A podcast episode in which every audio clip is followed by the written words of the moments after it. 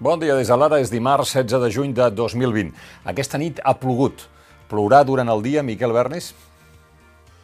Sí, els ruixats intermitents i de poca durada aniran apareixent durant diversos moments del dia. A la tarda fins i tot aniran acompanyats puntualment de tempesta.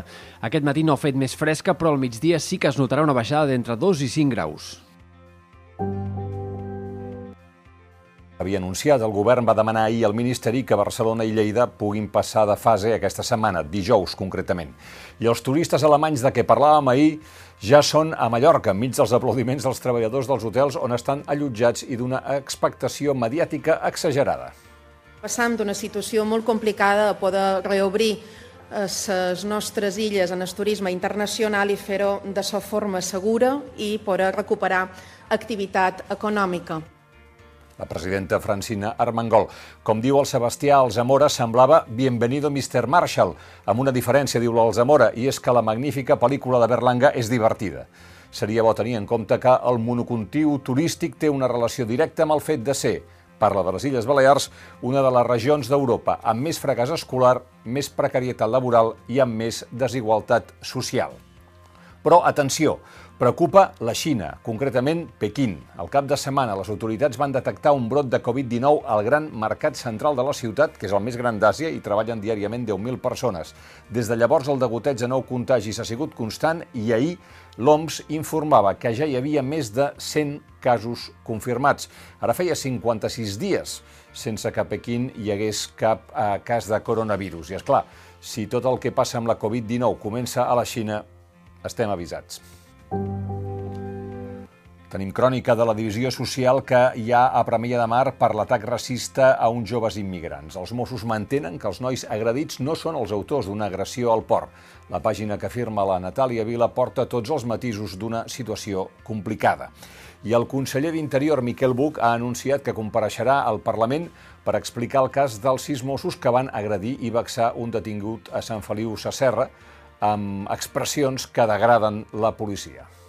Estem esperant quina és la resolució judicial per poder actuar amb tota la fermesa contra els agents que tenen actituds racistes o xenòfobes i que, per tant, doncs, no, no dignifiquen el cos de Mossos d'Esquadra i a propòsit d'actituds racistes, eh, sobre la condemna de figures com eh, Colón o Churchill per racistes vistos amb els valors d'avui, en Joan Beculla torna a fer diana amb un article ple d'exemples titulat Racistes ho eren tots.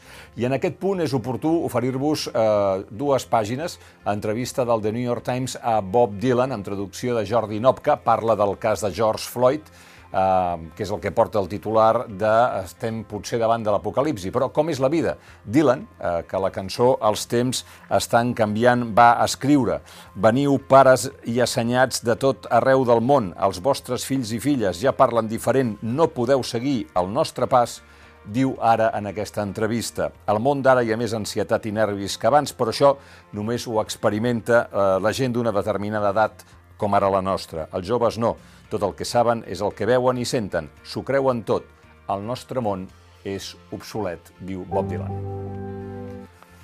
El Tribunal Constitucional la reuneix avui per decidir si els líders independentistes empresonats poden tornar a casa mentre estudia els recursos d'empara a la sentència de l'1 d'octubre. Spoiler, dirà que no.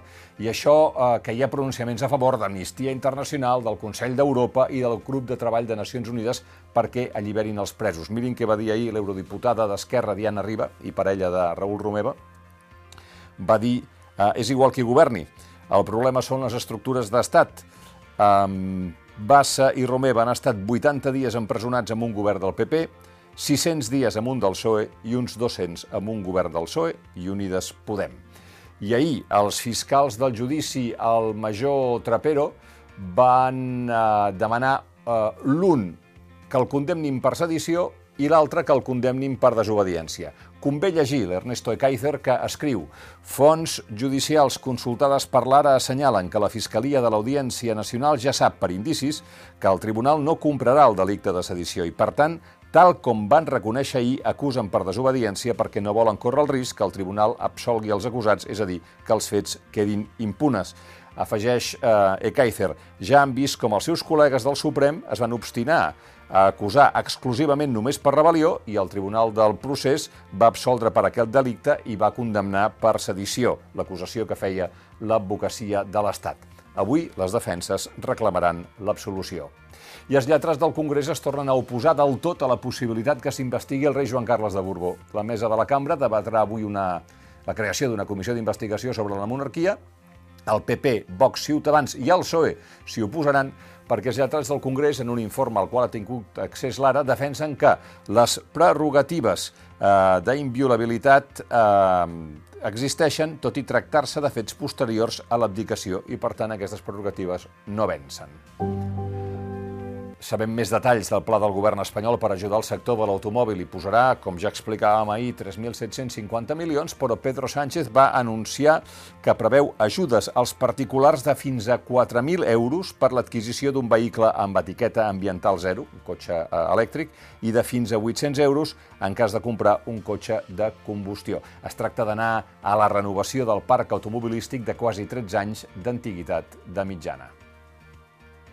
Una notícia que fa millor al món. El Tribunal Suprem dels Estats Units ha conclòs que la llei de drets civils que protegeix un treballador de la discriminació laboral per motius de sexe, raça, color, nacionalitat o religió empara igualment homosexuals i transgènere. És a dir, el Suprem nord-americà entén que el concepte de sexe no es limita a la seva definició biològica, sinó que empara l'orientació sexual i la identitat de gènere.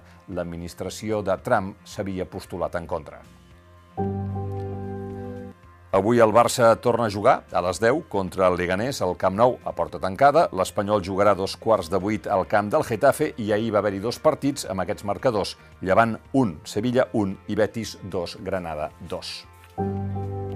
I acabem amb el record a Manuel Cuyàs, columnista del Punt Avui, que va morir ahir als 67 anys. L'Àlex Gutiérrez el presenta com el prosista lluminós. En Cuyàs era un gran conservador, que, un versador, perdó, que gaudia amb el contacte humà. Fins aquí les claus del dia, d'aquí uns minuts l'anàlisi, que passeu un bon dimarts.